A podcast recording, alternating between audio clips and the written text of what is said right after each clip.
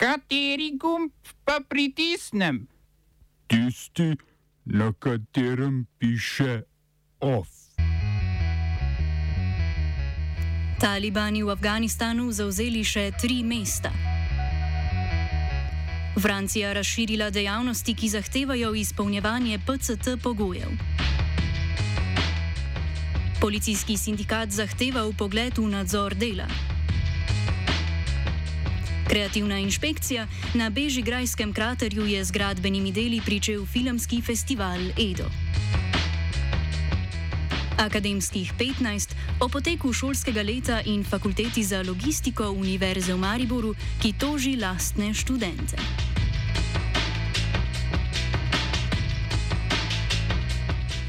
Jo. Od umika tujih sil z ozemlja Afganistana se tamkajšnja vojska neuspešno bojuje s talibi, ki so čez vikend zasedli še tri strateško pomembna mesta: Kunduz, Sarepul in Talukan. Gre za glavna mesta treh provinc, skupno pa so jih v manj kot tednu dni osvojili že šest, s tem pa so zasedli večino podeželja.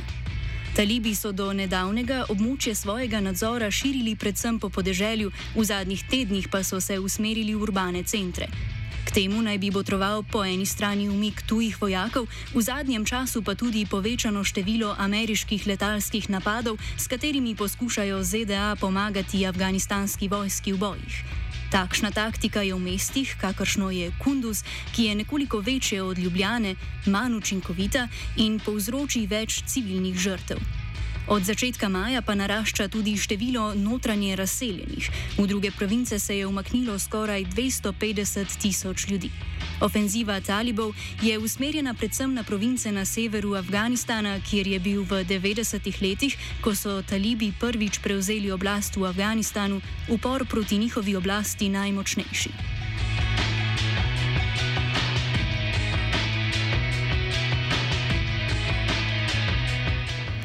Danes je bolgarska populistična stranka Obstaja takšen narod, krajše ITN, parlamentu predstavila kandidate za svojo manjšinsko vlado. Filozof, poslanec in kandidat za premijeja Plamen Nikolov je predsedniku države Rumenu Radjevu predal seznam ministrov in njihovih položajev. Drugi znan kandidat je nekdani veleposlanik Nemčiji Radi Najdenov. Ostali so novi obrazi, ki, je ki jim je politika in poslansko življenje dokaj neznano. Stranka je pred slabim mesecem dni na bolgarskih predčasnih parlamentarnih volitvah prejela največ glasov. Glasovanje o novi vladi bo v parlamentu potekalo v sredo, pri čemer ITN potrebuje nenavadno večino, to je 121 od 240 glasov. Sami zasedajo 65 stolčkov, za podporo pa računajo na protestne stranke, s katerimi pa še niso dosegli dogovora. Podporo je ITN do sedaj izrazila le socialistična stranka BSP, ki ima 36 poslancev. Ukolikor vlada ne bo potrjena, mandat pade stranki odhajajočega premijeja Bojka Borisova, stranke GERB.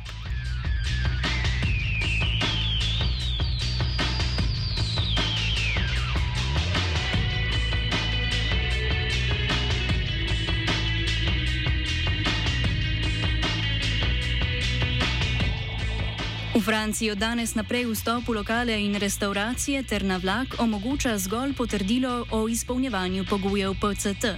Že v petek so po Franciji potekali skoraj četrt milijonski protesti proti obveznemu COVID-nemu potrdilu. Zakon je mišljen predvsem kot uspodbuda za odločitev prebivalstva za cepljenje proti novemu koronavirusu. Sprejet je bil že julija, v četrtek pa, so, pa ga je potrdil tudi francoski ustavni svet. Tako bodo morali državljani ob vstopu v karanteno, v kavarno, restauracijo, določene trgovske centre, medkrajevne vlake in notranje letalske povezave izpolnjevati pogoje PCT. Že od sredine julija pa velja, da morajo potrdilo ob vstopu predložiti udeleženci večjih prireditev in kulturnih ustanov, kot so to recimo muzeji in kinodvorane. Ta isti zakon določa tudi obvezno cepljenje zdravstvenih delavcev, kar je sprožilo proteste, ki se sicer ob petkih odvijajo že četrti teden.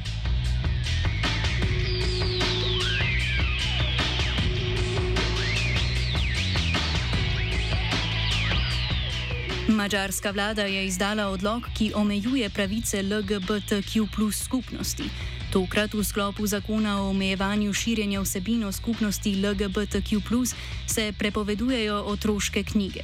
No, omejujejo prodajo tistih, ki se ukvarjajo z vsebino, ki bi jo katoliška crkva označila za grešno. Gre za knjige, ki namigujejo na istospolna razmerja, ter knjige, ki se ukvarjajo s spolno identiteto ter menjavo spola. Prodaja bo prepovedana v radiju 200 metrov okoli šol, pa tudi crkv. Prav tako nikjer ne smejo biti razstavljene v izložbi, v trgovinah pa morajo biti zavite v papir, tako da se ne vidi naslovnic.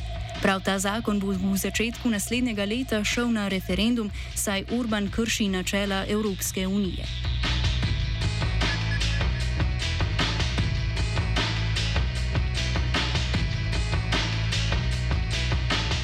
Poljska bo ukinila disciplinski senat, ki ga je sodišče Evropske unije nedavno označilo za neskladnega z evropskim pravom, je napovedal predsednik vladajoče stranke Zakon in red Jaroslav Kačinski.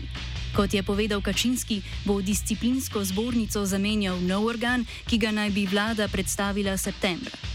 Sredi julija se je sodišče Evropske unije odločilo, da so disciplinski senati za sodnike proti pravu EU, saj nista zagotovljeni nepristranskost in neodvisnost, hkrati pa ni zadostne zaščite pred umešavanjem zakonodaje ali izvršne veje oblasti.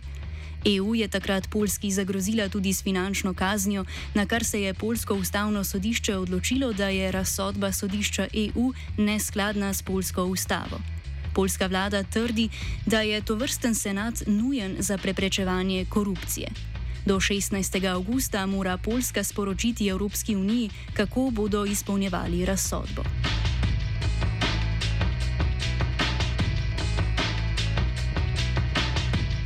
Osrednja volilna komisija v Nikaragvi je v petek diskvalificirala glavno opozicijsko stranko Državljani za svobodo.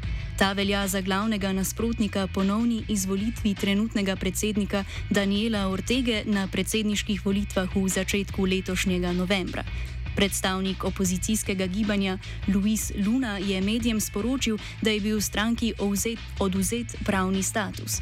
Ortega se z ženo in podpredsednico Rosario Murijo že četrtič poteguje za mandat. EU in ZDA so proti Ortegi, Murijo ter drugi ter drugim zaradi domnev spodkopavanja demokracije uvedli sankcije, kot so vizumske omejitve.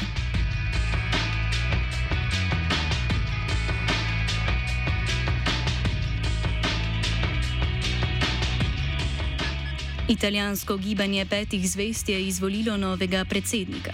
To je postal nekdani italijanski premijer in ne strankarski pravnik Giuseppe Conte. Na glasovanju ga je podprlo več kot 92 odstotkov članov stranke, ki jih je okoli 67 tisoč. Premijersko funkcijo je upravljal od februarja 2018 pa vse do letos. Prevzel je vodstvo nad gibanjem, ki že več kot eno leto ni imelo pravega vodstva, vse odkar je bivši predsednik Luigi Di Maio odstopil januarja prejšnje leto. Gibanje je razklal vstop v vlado, ki jo vodi nekdani guverner Evropske centralne banke Mario Draghi in ima v vladi štiri ministre. Oba, če, če bom odgovoril na angliški. Slovenija bo poskušala pomagati. Slovenija bo naredila naš utmost, da bo rekla, da je situacija naš problem, naš. In bomo naredili nadaljnje korake, as soon as the conditions are. Bomo vlado Marjana Cererera Šarca podprli. Very, very serious. News from Slovenija. We know how and we will. Policijski sindikat Slovenije je na generalnega direktorja Antona Olaja naslovilo zahtevo za dostop do gradiv strokovnega nadzora nad delom policijske uprave Ljubljana. Po končanem nadzoru so namreč trije policisti dobili opozorila pred odpovedjo, za kar sindikat meni, da postavlja nevaren precedens. Nadzor se je osredotočal na dva dogodka: odstranitev rumenih jopičev z protesta na dan državnosti in pa na zmerjanje poslancev strani nasprotnikov zakona o nalezljivih boleznih v zgodnjem juliju. Ob končani preiskavi so trije policisti dobili opozorilo pred prenehanjem delovnega razmerja, na to pa sindikat odgovarja z zahtevo po predaji dokumentacije o postopkih in ugotovitvah strokovnega nadzora dela.